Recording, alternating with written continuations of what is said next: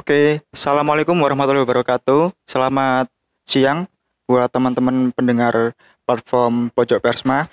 Kali ini kita kedatangan tamu dari Cak Munib.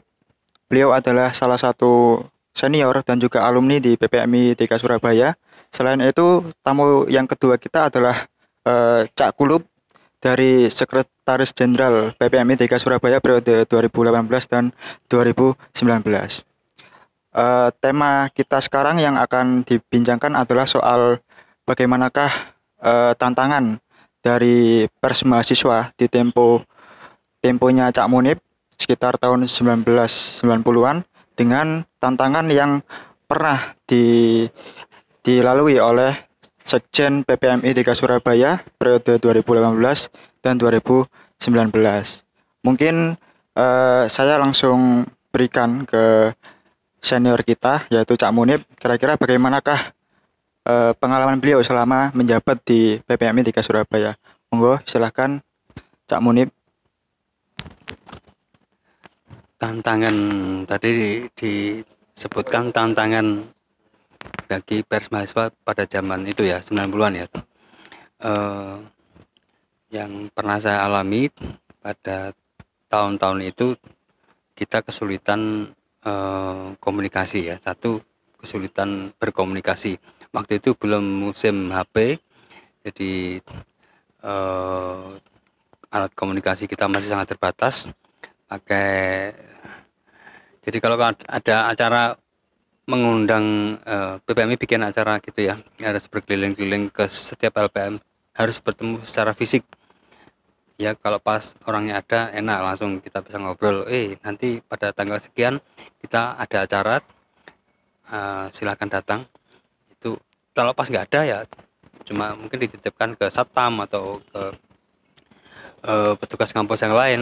Dan belum tentu juga hari itu nyampe ke yang bersangkutan. Jadi uh, itu gambaran betapa sulitnya pada zaman itu berkomunikasi uh, antar anggota PPMI itu salah satunya karena hmm, alat komunikasi yang belum seperti sekarang. Jadi HP belum ada sehingga harus e, lebih banyak mobilitas fisik untuk bertemu untuk berbincang dengan sesama anggota LPM beda dengan sekarang ya. Sekarang kan bisa langsung bahkan tidak hanya e, menyapa tapi juga berdiskusi dengan misalnya grup WhatsApp.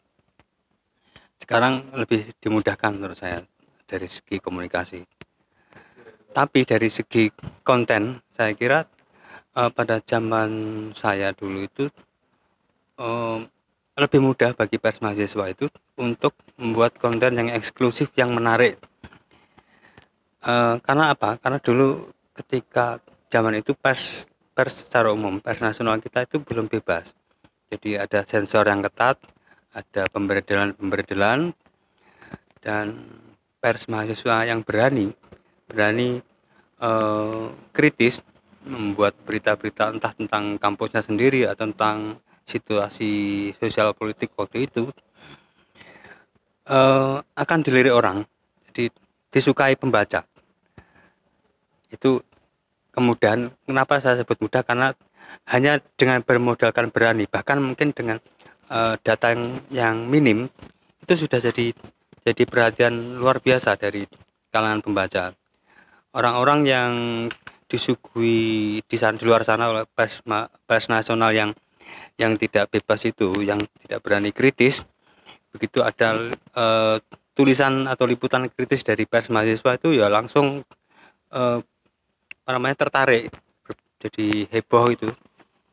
Uh, kalau sekarang kan secara umum pers nasional kita sudah bebas tidak uh, tidak ada kekangan-kekangan seperti dulu lagi tidak ada ancaman-ancaman yang berarti. Meskipun di sana sini ada ada kasus-kasus tapi kasuistis ya. Menurut saya secara umum sekarang pers sudah bebas sudah sudah bisa menentukan sendiri uh, apa yang mau diliput terus dengan sudut pandang apa sekritis apa pun sekarang tidak masalah maka eh, tantangan bagi pers mahasiswa saat ini dalam hal konten menjadi lebih sulit. Eh, karena pers pers umum, pers nasional punya hampir segalanya, SDM yang banyak, dana yang banyak, perangkat yang banyak dan seterusnya. Mereka dalam sekejap menginginkan sesuatu liputan ya langsung jadi langsung bisa dilakukan. Sementara pers mahasiswa karena keterbatasan dana dan keterbatasan SDN waktu dan seterusnya eh, agak sulit untuk melakukan apa namanya katakanlah menyaingi pers umum dalam hal konten katakanlah menyaingi itu maksud saya bikin konten yang eh, investigatif gitu ya. investigatif itu eh, butuh effort atau usaha yang luar biasa dibandingkan dengan pers umum yang dengan segala kelebihan modal eh, perangkat SDM dan seterusnya itu. Ya itu kira-kira beberapa eh, apa namanya? Apa tadi pertanyaannya? Saya lupa. Tantangan. Tantangan ya tantangan. Eh, saya, saya tadi sekaligus membandingkan eh, kelebihan dan kekurangan apa apa ya ke kemudahan zaman dulu dan zaman sekarang. Zaman dulu lebih mudah kita bikin konten asalkan berani gitu sudah oke. Dalam arti eh udah oke itu eh, sudah jadi perhatian publik. Karena kita berani beda dengan pers nasional secara umum. Berani kritis sementara mereka tidak waktu itu begitu.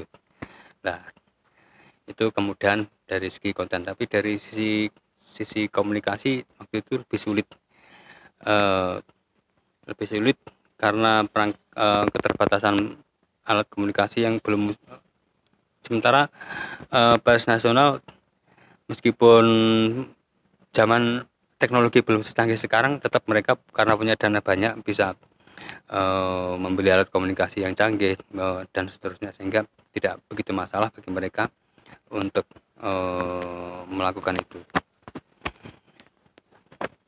Terus apa lupa aku lanjutannya oke Ya, itulah dari Cak Munik sekilas pengalaman beliau saat saat berproses di pers mahasiswa. Jadi yang pertama adalah soal kendala dalam hal komunikasi. Yang kedua, kelebihannya adalah eh, berani menerbitkan konten-konten yang kritis. Oke, sekarang kita eh, berpindah ke tamu yang kedua yaitu Cak Kulup Sekjen PPMI 3 Surabaya periode 2018 dan 2019. Monggo kira-kira bagaimana pengalaman yang sudah dilewati selama ini? Monggo, Cak. Ya mungkin s- tadi sudah sedikit banyak dijelaskan sama Cak Muntip ya terkait tantangan melihat kondisi saat ini. Memang eh, ketika bicara tantangan persma saat ini kita lebih bisa memahami kita harus lebih bisa memahami dulu kondisi mahasiswa saat ini seperti apa gitu. Mungkin eh, yang saya lihat sekarang ada pergeseran paradigma. Mungkin kalau dulu bicara persma, persma di sana termasuk kelompok aktivisme ya. Tapi sekarang lebih kayak misal lebih bisa dibilang seperti event organizer, lebih banyak event. Kemudian keanggotaannya pun rata-rata hanya sebatas sebagai ya UKM seperti UKM-UKM yang lain gitu. Jadi tidak menerapkan jurnalisme secara utuh. Mungkin karena kondisi mahasiswa juga dan selain itu juga banjir konten saat ini. Ter- sekarang kalau bicara konten kita banyak sekali ya konten di YouTube, Instagram, bahkan konten-konten receh itu lebih laku daripada konten-konten serius bikinan teman-teman Persma. Eh, mungkin yang paling bisa kita lihat dari YouTube aja lah.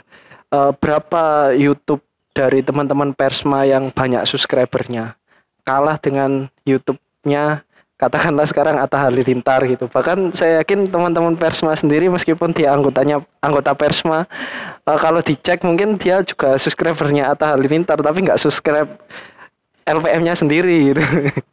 Guyonannya seperti itu. Nah, eh, tantangannya mungkin lebih ke persaingan konten ya karena konten sekarang lebih mudah dibuat, banyak aplikasi dan jurnalisme warga juga berkembang dengan sangat pesat sehingga setiap orang sekarang bisa kita anggap sebagai jurnalis gitu. di grup-grup ketika ada informasi itu bahkan lebih laku daripada terbitan media kita gitu. Jadi mungkin lebih ke arah gerak mahasiswa saat ini dan banjir konten aja gitu yang jadi tantangan saat ini. Mungkin itu.